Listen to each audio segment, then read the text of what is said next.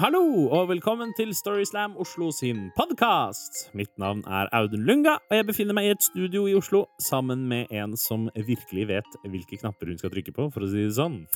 Nemlig Karoline Marie Enoksen.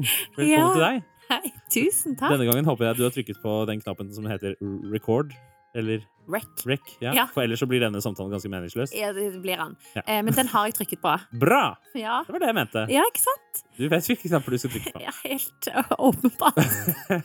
Hvordan går det? Du, det går fint. Yes, Ja, det er jo sommer og deilig fri tilværelse. absolutt. Ferie for mange fortsatt, sikkert. Ja, og en litt sånn ø, følelse av normalitet, Det er sant. hvis det er lov å si. Vi vasker fortsatt hendene masse, men Ja.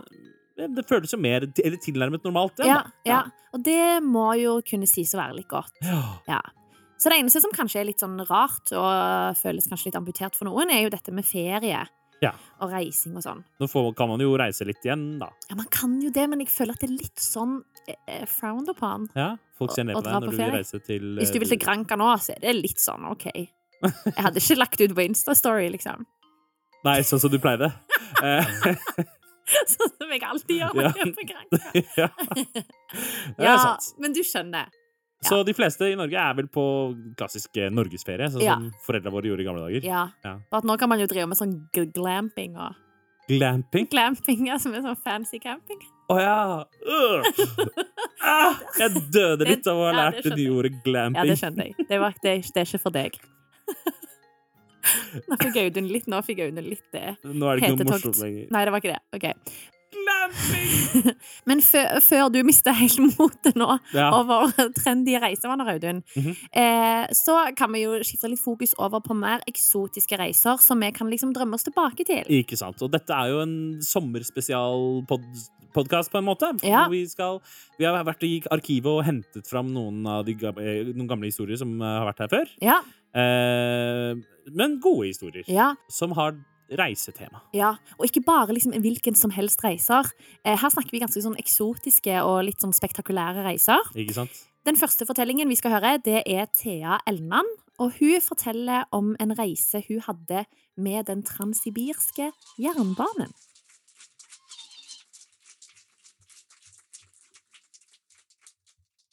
I 2011 så var jeg nydumpa. Jeg hadde vært i et ganske dårlig forhold. eh, Så dårlig at jeg til og med ble deprimert det siste halvåret. Men eh, eh, for å gjøre det hele verre, så var det faktisk han som slo opp med meg. Så når det da ble slutt, så var jeg rimelig klar for en ny start. Jeg laga meg til og med et motto. One hell of a ride! Og det skulle det faen meg bli. Så jeg og fem venner vi bestilte oss togbilletter til den transsibirske jernbanen. Tut-tut! Vi starta med å fly til Beijing, der vi satte oss på et tog. Vi kom oss til Mongolia, eh, gikk av der, kom på et nytt tog, feira faktisk julaften i en firemannskupé. Før vi da endelig kom oss over grensa til Russland og til en liten by som heter Irkutsk. Eh, og Irkutsk er en ja, helt ålreit by. 30 minusgrader. Eh, så da, da dagen kom for at vi skulle komme oss videre, så var vi egentlig ganske klar for det. Neste etappe på programmet den skulle ta tre døgn uten å gå av det toget. Men gulrota i enden av den turen her, det var at vi skulle komme fram til Moskva. Og dagen vi kom fram, da var det nyttårsaften. Så vi gleda oss helt enormt til å feire nyttårsaften i Moskva. Eh, vi hadde til og med kjøpt med oss noen flasker vodka for at vi skulle varme opp da, til denne feiringa. Eh, og det her var jo også juleferie. Det var masse russere som også skulle ta det toget. Så hvis vi ikke kom oss på det toget her, så kunne det hende at vi ikke fant noe annet tog som kunne ta oss til Moskva i denne perioden vi hadde ferie. Så vi møtte opp i god tid, i likhet med alle andre. Det var stappfullt på denne togstasjonen, men vi kara oss fram. Vi fant perrongen vår, og vi kom opp der, og jeg husker at det var snø på bakken. Det var ikke akkurat NSB, men det var et ålreit uh, tog, mørkegrønt. Vi kom oss inn, vi fant plassene våre. Um, og på det tidspunktet her så hadde vi kjørt tog en god del. Men vi hadde enda ikke kjørt tog på russisk tredjeklasse. Eh, før så hadde vi hatt en egen kupé for oss selv. Nå var det et åpent landskap. Det var eh, senger på to plan. Og mens det var 30 minusgrader ute, så var det 30 plussgrader inne. Det hadde Audun likt, da. Um, så det var de, altså Russere liker veldig høye innetemperaturer. Eh, så mens vi hadde med oss eh, ullundertøy som vi liksom skulle kose oss med, så gikk russerne i shorts og flipflops. Men vi Ja, det lukta svette. Men vi fant plassene våre, eh, satte oss ned, og en konduktør kom med. En ganske sånn stødig russisk dame. Hun spør om å få se billettene. Vi gir henne billettene. Hun ser på dem. Hun rynker litt på nesa, og så gir jeg dem tilbake. Og så sier hun 'Sari'.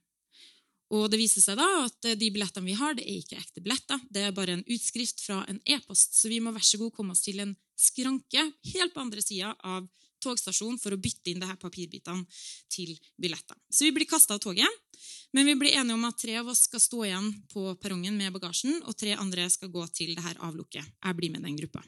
Og der er det selvfølgelig kø. Men eh, jeg ser på klokka. Ok, 25 minutter igjen. Det her går helt fint.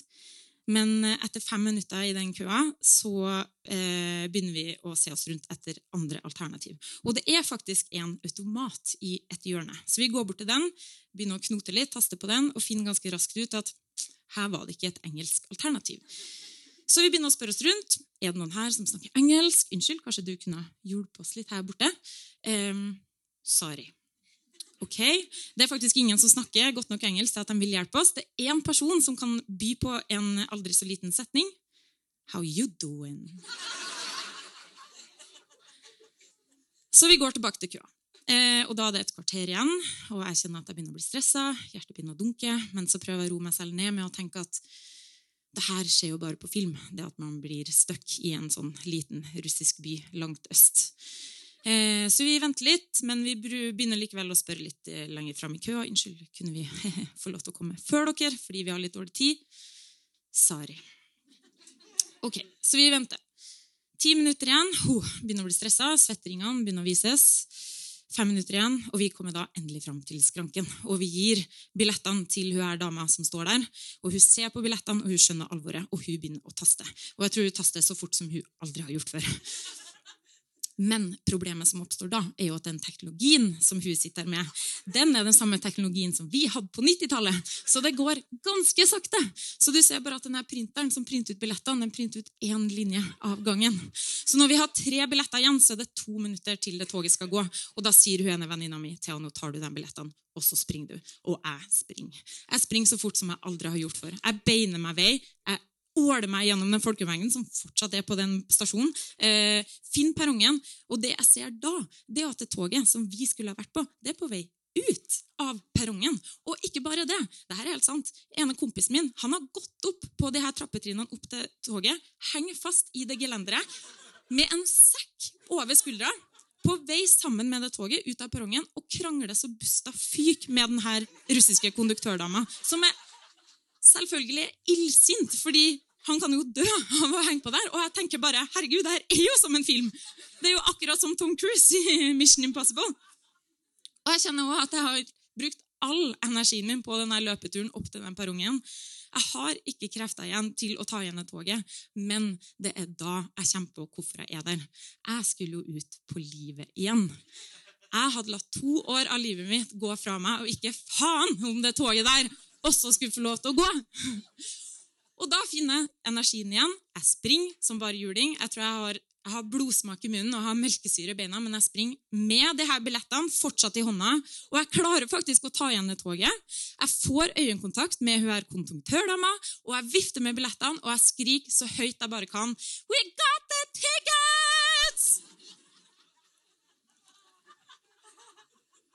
Og du ser bare at ansiktet til her konduktøren bare går fra frustrasjon og over i resignasjon. Og hun snur seg, og hun drar i nødbremsa.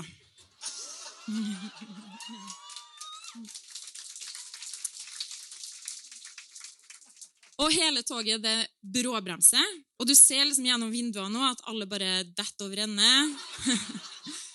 og mat og drikke bare velter over ende. Og så snur jeg meg så ser jeg at de to siste som var i den skranken, har kommet med de resterende billettene. Så vi tar bagasjen, og vi går på toget. Eh, og vi finner plassene våre. Eh, og det er skikkelig dårlig stemning. Det er sinte, svette russere som sitter der. Men da finner vi fram vodkaflaskene.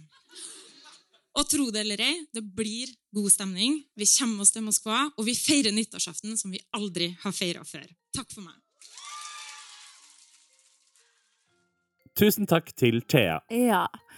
Kunne du tenkt deg å reise med den transsibirske jernbanen, Audun? Eh, nei, dessverre. Jeg er litt eh, gammeldags når det gjelder akkurat den type ting, så jeg vil bare reise med den cis-sibirske jernbanen.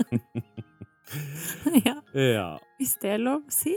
Nei da. Det er ikke det. Nei, det er ikke lov Nei, å si. men litt løye var det. Ja.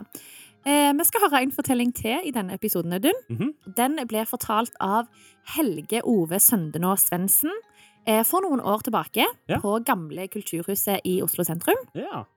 Og han forteller om en reise han hadde til Nord-Korea. I april i fjor så dro en kompis og meg til Nord-Korea for å løpe halvmaraton. Men dette er ikke historien om halvmaratonet. Dette er historien om mitt livs store kjærlighet som jeg traff der nede. Miss Ling. Vi hadde nemlig to nordkoreanske guider der. Vi hadde Mr. Chong, som var hovedguiden, og så hadde Miss Ling, som var assistenten. Og fy faen, Miss Ling var en deilig dame. Hun så ut som en asiatisk utgave av Triana Iglesias. Med en dash Sandra Ling Haugen og en dash Kim Kardashian. Mr. Chong og Miss Ling sin jobb var å da geleide oss rundt omkring i Nord-Korea, peke på bygninger og broer og alt mulig rart, og si This building was made by the great leader himself. This bridge was built by the great leader himself. This farm was made by the great leader himself. And this potato was planted by the great leader himself. Som er bullshit. Det var sirkus, det var regissert, og vi tenkte ja, dette er jo greit, det var åtte dager om dette. Men vi tenkte vi har lyst til å snakke med lokale nordkoreanere. Vi vil liksom ha de ekte historiene av hvordan er det faktisk å bo og leve i Nord-Korea. Eh, Men hver gang vi prøvde å snakke med nordkoreanere, så ble vi alltid tatt vekk. De ville liksom ikke at vi skulle snakke med de. De bare, no, no, you motherfuckers, don't do this.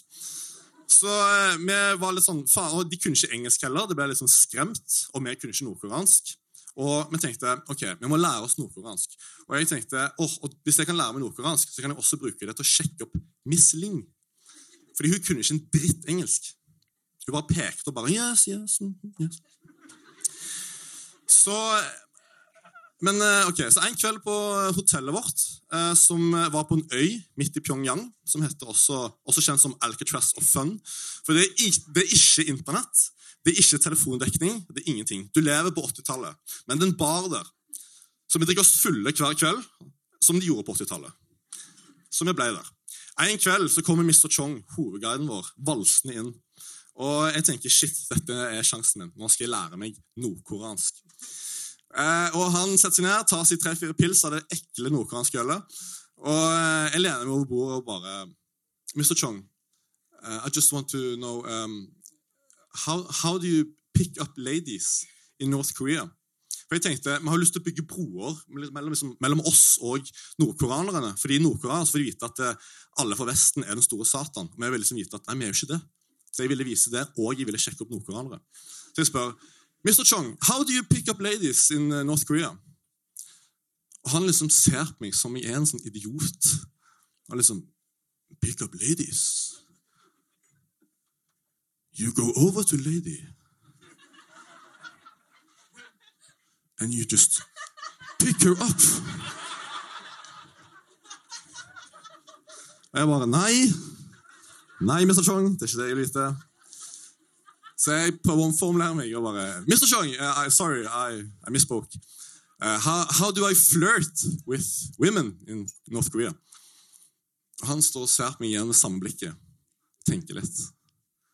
Og så lener han seg over bordet og liksom skal fortelle meg en hemmelighet.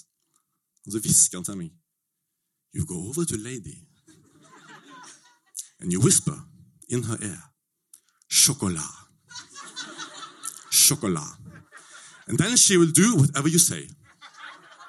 Og jeg bare Å, sweet chocolat. Det høres ut som tidenes sjekkereplikk i Nord-Korea. Det høres ut som sjokolade. Det renner liksom av tungen. Sjokolade. Eh, og jeg tenkte dette er nice. Dette må jeg bruke på Michelin. Men jeg kan ikke gå rett bort til Michelin og liksom bare yo, sjokolade. Jeg må liksom, jeg må liksom teste dette ut, da. Så, så jeg går bort, så jeg, jeg prøver ut sjokolade på kvinner og menn i Nord-Korea. Uh, I alle mulige tonefall, bare for liksom å få reaksjonene til folk. Så jeg går bort og liksom Sjokolade, sjokolade, sjokolade, sjokolade.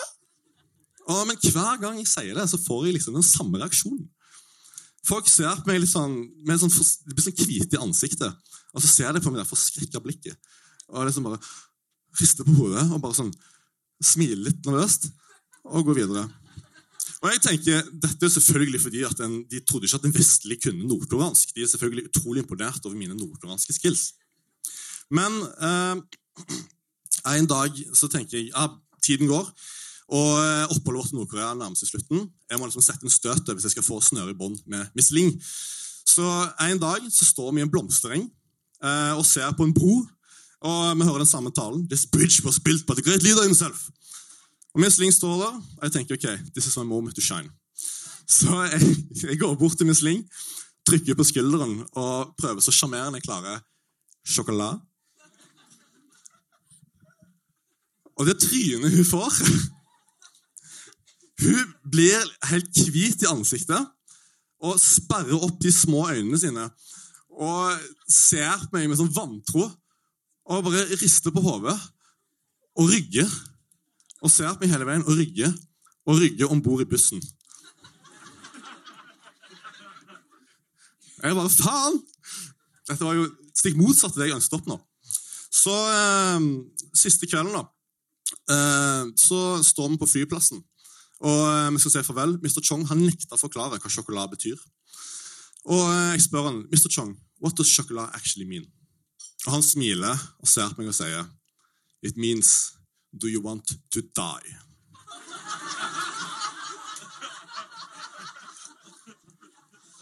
Så da har jeg gått i fire dager og drapstrua nordkoreanere.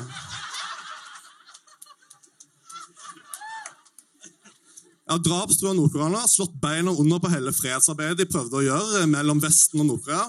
Og jeg har drapstrua mitt livs store kjærlighet, Miss Ling, på det groveste. Men så her er greia. Hvis det noensinne bryter ut en tredje verdenskrig mellom Nord-Korea og resten av verden, noe som det ser ut som det gjør nå, så er det litt min feil.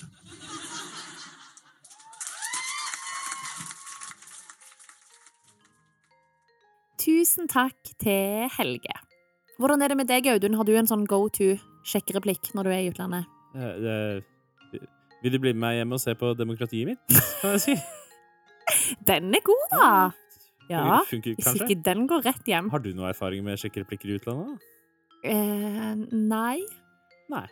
Jeg ble nettopp sjekket opp i Norge av en utlending, da. Ja, og det er jo Hvis det Det teller. Hva, Hva Han var dansk, da. Ja, jo, jo, ok, ja. Hva Ja. var hans sjekkereplikk? Nei, det vet jeg ikke. Hei.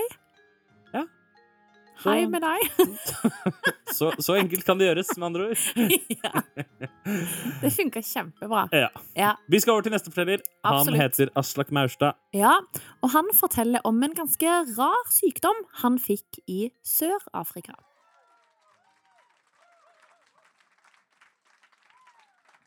Da jeg var liten, så trodde jeg at Guds plan for mitt liv var at jeg skulle få alle verdens sykdommer. Jeg hadde barneleddgikt, og jeg har Bechdrev, og jeg har noe som heter seboré, og jeg har brukket armen, og jeg har nesten blitt blind, og jeg har hatt kyssesyken, og jeg har blitt feildiagnostisert med både cøliaki og laktoseintoleranse og levd deretter i mange år. Jeg har hatt klamydia. Ta-da! Tusen takk. Men den desidert rareste sykdommen jeg noen gang har hatt, den fikk jeg da jeg var 14 år. Og da var jeg i Sør-Afrika med familien min på ferie. Eh, Vi var på safari, og vi så løver, og vi så elefanter, og vi så en gepard som bare lå på bakken og var skikkelig tykk, for man nettopp spist en gnu, så det var dritfett, for vi kunne liksom kjøre bort og nesten ta på den. Så det var en veldig bra dag én-safari, da. Men dag to så våkner jeg, og så har jeg fått feber. Så vi bestemmer oss for å da ikke bli med på den vandresafarien som vi egentlig skal være med på dag to. Og så blir jeg egentlig ikke noe bedre neste dag heller, så jeg har da 42,5 i feber, som er ganske høyt. Så vi blir ikke med på safari da heller, eh, og finner ut at nå må vi nok dra til legen. Og der får jeg vite at jeg har tick bite fever, eller onoklana, som det heter på zulu. Eh, jeg har blitt bitt av en neshornflått. Og det er da en flått som vanligvis biter neshorn, men denne har bitt meg. Og det er en ganske farlig sykdom. Én av fire personer dør av den sykdommen. Eh, med mindre man da tar disse pillene som legen veldig beleilig hadde i skuffen sin. Så jeg begynner selvfølgelig på disse pillene umiddelbart og blir raskt bedre. Men neste destinasjon for vår reise er et sted som heter Cozy Bay.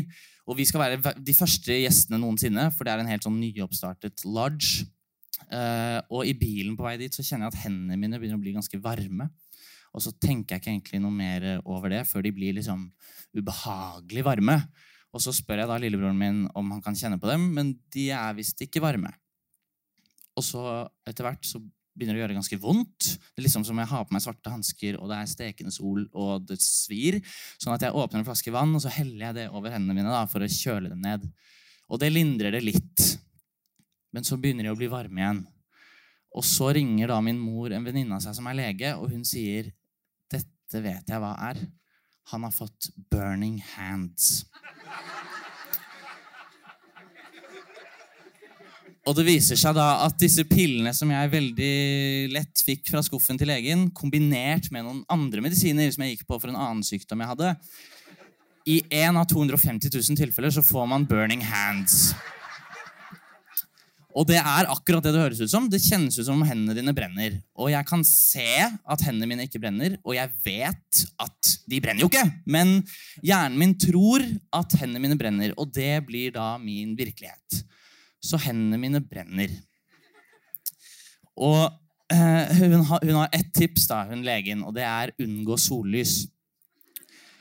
Og jeg er i Afrika, eh, og det er ganske vanskelig å gjøre egentlig noe som helst uten å få sollys på kroppen.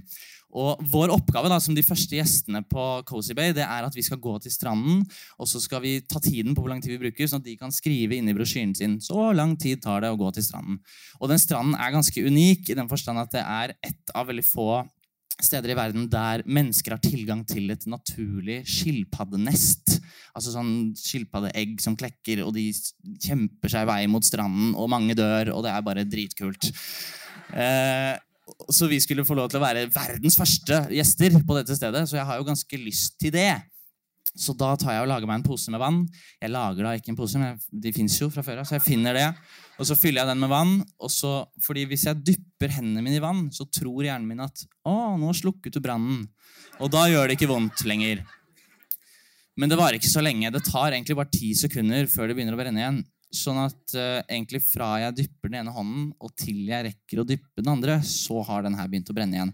Så jeg må egentlig kontinuerlig dyppe hendene da, mens jeg går gjennom jungelen sammen med min familie helt bakerst der og er en liten sånn dyppegutt bakerst. Og så kommer vi frem til denne stranden. Vi bruker 45 minutter på det, som ikke er så verst tid, tror jeg. Uh, før jeg finner ut at jeg må tilbake igjen, for det gjør for vondt i hendene, det her.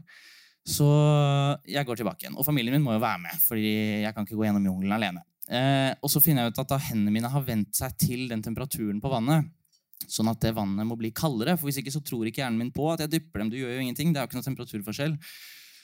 Eh, så om kvelden så ligger jeg da med en bøtte med isbiter og prøver å sove og dypper da disse hendene. Og prøver å ikke sovne med hånda oppi bøtta, for da tisser jeg på meg. Og det blir jo dritt for vaskehjelpen, som, som jo er min mor. Um, og neste dag så våkner jeg og finner ut at jeg kan ikke gå utendørs fordi det gjør for vondt. Så jeg må bare sitte inne i den lille stråhytta som utgjør hele Cozy Bay, og dyppe da hendene og slukke denne fiktive brannen.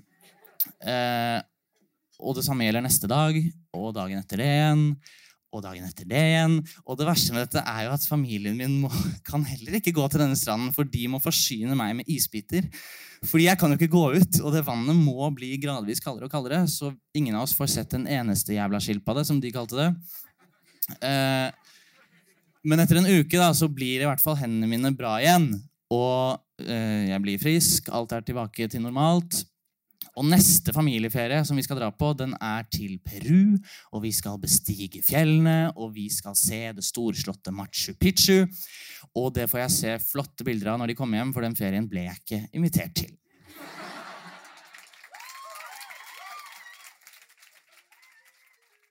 Tusen takk til Aslak.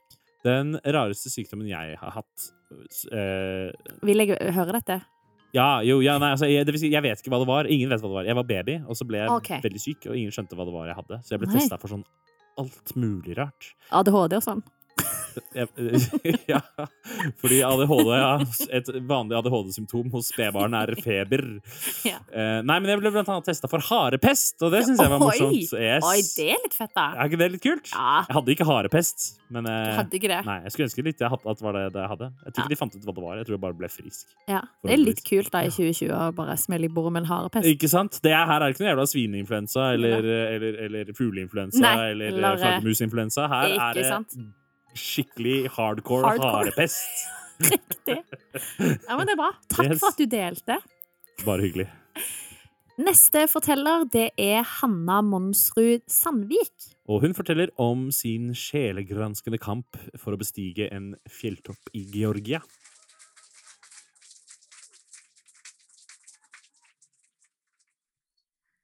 Det er tre år siden jeg ble ferdig med å studere, og jeg aner ikke hva jeg driver med. Det er ikke sånn at jeg ikke har gjort noe de siste årene. Ganske raskt etter at jeg ble ferdigutdannet, eh, fikk jeg jobb som studieveileder, og jeg er takknemlig. For jeg har stabil inntekt, trening i arbeidstiden, lunsjordning og gode avspaseringsmuligheter inntil jeg finner ut hva jeg egentlig skal gjøre med livet mitt. Men min, løsning, min midlertidige løsning virker plutselig ganske permanent når jeg to og et halvt år senere innser at jeg bruker det jeg antar er de siste av de beste årene av mitt liv på å veilede unge og lovende studenter, mens jeg selv føler at jeg står på stedet hvil. Livet mitt har vært preget av en utferdstrang og en grunnleggende tro på at hvis du ikke finner det du leter etter der du er, da må du tørre å flytte på deg. Dette er premisset for en rekke filmer. Helten forlater det trygge redet, legger ut på en reise og lærer noe nytt om seg selv og verden på veien. Så jeg sier opp jobben min, jeg flytter til Moskva, og et halvt år senere står verden på vent mens jeg reiser med tog gjennom Kaukasus. Tog, dere. Når landskapet ruller forbi vinduene, da kan de store tankene virkelig bare strømme på. Men med meg på turen har jeg en venninne, og jeg innser raskt at det hyggelige sosiale samværet er et hinder for min dype sjelegranskning.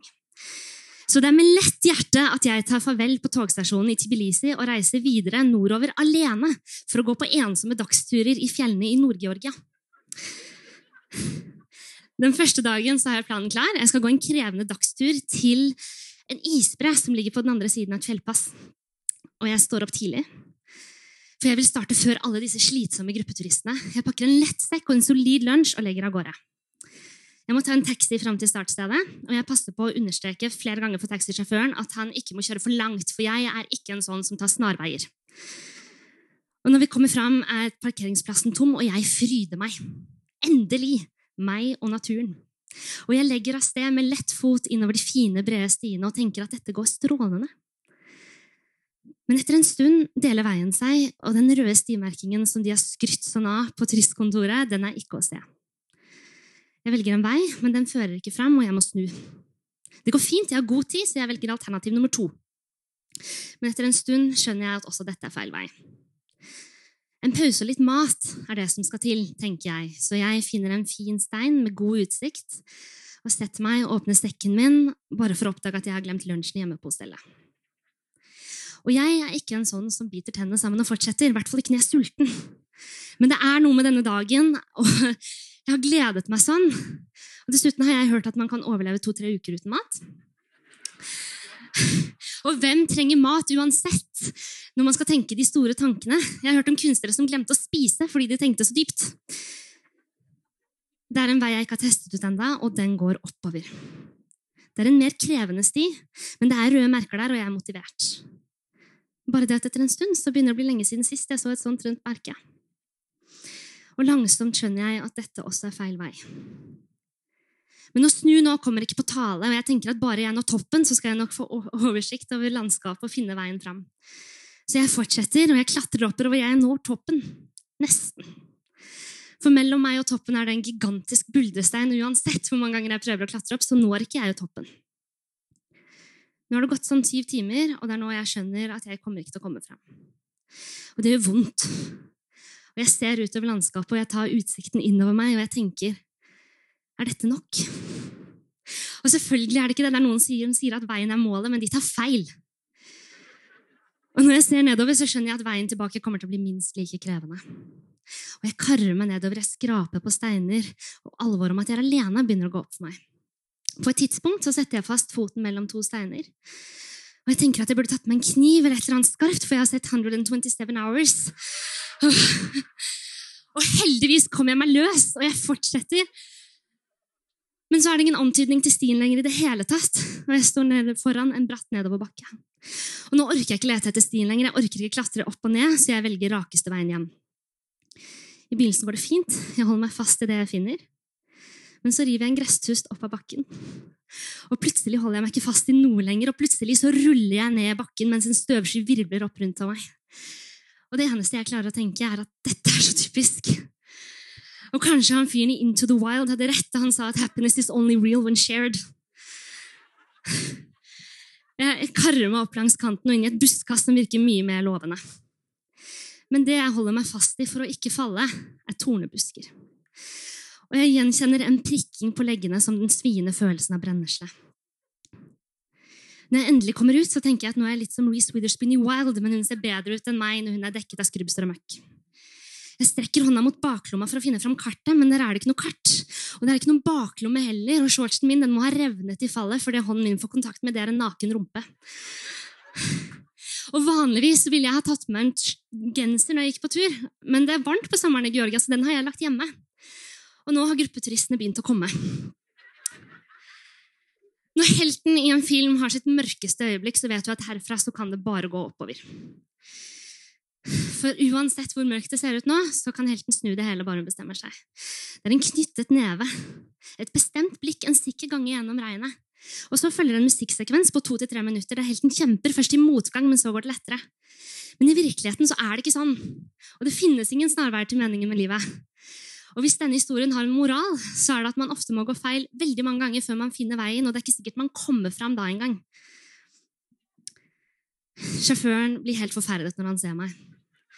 Vi setter oss inn i bilen, og uten å si et ord rekker han meg en øl. Jeg tar takknemlig imot, og åpner, og idet jeg trekker av min første slurk, tenker jeg at nå, nå er det endelig over. Men så kjører vi inn i en dump, og jeg søler ølen i fanget, og nå ser det ut som jeg tisset på meg også. De siste meterne hjem er de verste, de mest ydmykende. Men nå spiller ikke det noen rolle lenger. Og jeg knytter neven, og jeg løfter hodet. Og jeg ser med et stolt blikk framover, mens en myk vind stryker over den bare baken min.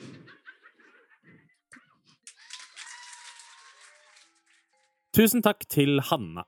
Ja. Og så må jo eh, alle dere som hører på, ha en fortsatt nydelig sommer. Absolutt. Vi ses jo igjen. Vi. Eh, vi vet bare ikke helt når. Nei, vi vet ikke når eh, liveshowene våre kan starte opp igjen. Nei. Um, Men de kommer. Ja. Vi skal ha en, en comeback Ja. tour. vi, Vi skal gjøre et comeback. vi skal Audun. gjøre et comeback. Ja, akkurat som Britney Spears Ja, det gjorde du. Ja. i 2008. Ok. Vil comeback, ja. Eller eh, Therese Johaug. Ja, hun, ja. Vi kommer tilbake som Therese Johaug, Ja. med sprukne lepper og allting. Eller eh, Voldemort, liksom. Ja. Eller Gandalf. Oh, ja! Så han kom jo tilbake med, etter at han falt ned i sprekken. Ikke sant? Ja. Ja. Just Eh, like Gandalf. Men ja, ja, to av de er jo, som vi har nevnt nå, er jo skurker, så jeg vet ikke om det, hvor positivt dette er. Eh, nei da, OK, men med, litt mer, men med en lystbetont eh, Ja. aura. Terje Søviknes kommer tilbake. Ikke sant? Han gjorde comeback etter at han fikk karrieren sin lagt i ruiner. Men nå blir det jo bare verre. Ja. Ja. Vi skal komme tilbake til en scene nær deg. Akkurat som Terje Søviknes. Ah, Uff meg, ja. Og i mellomtiden så kan du jo abonnere på denne podkasten, som kommer ut med ujevne mellomrom. God sommer! God sommer!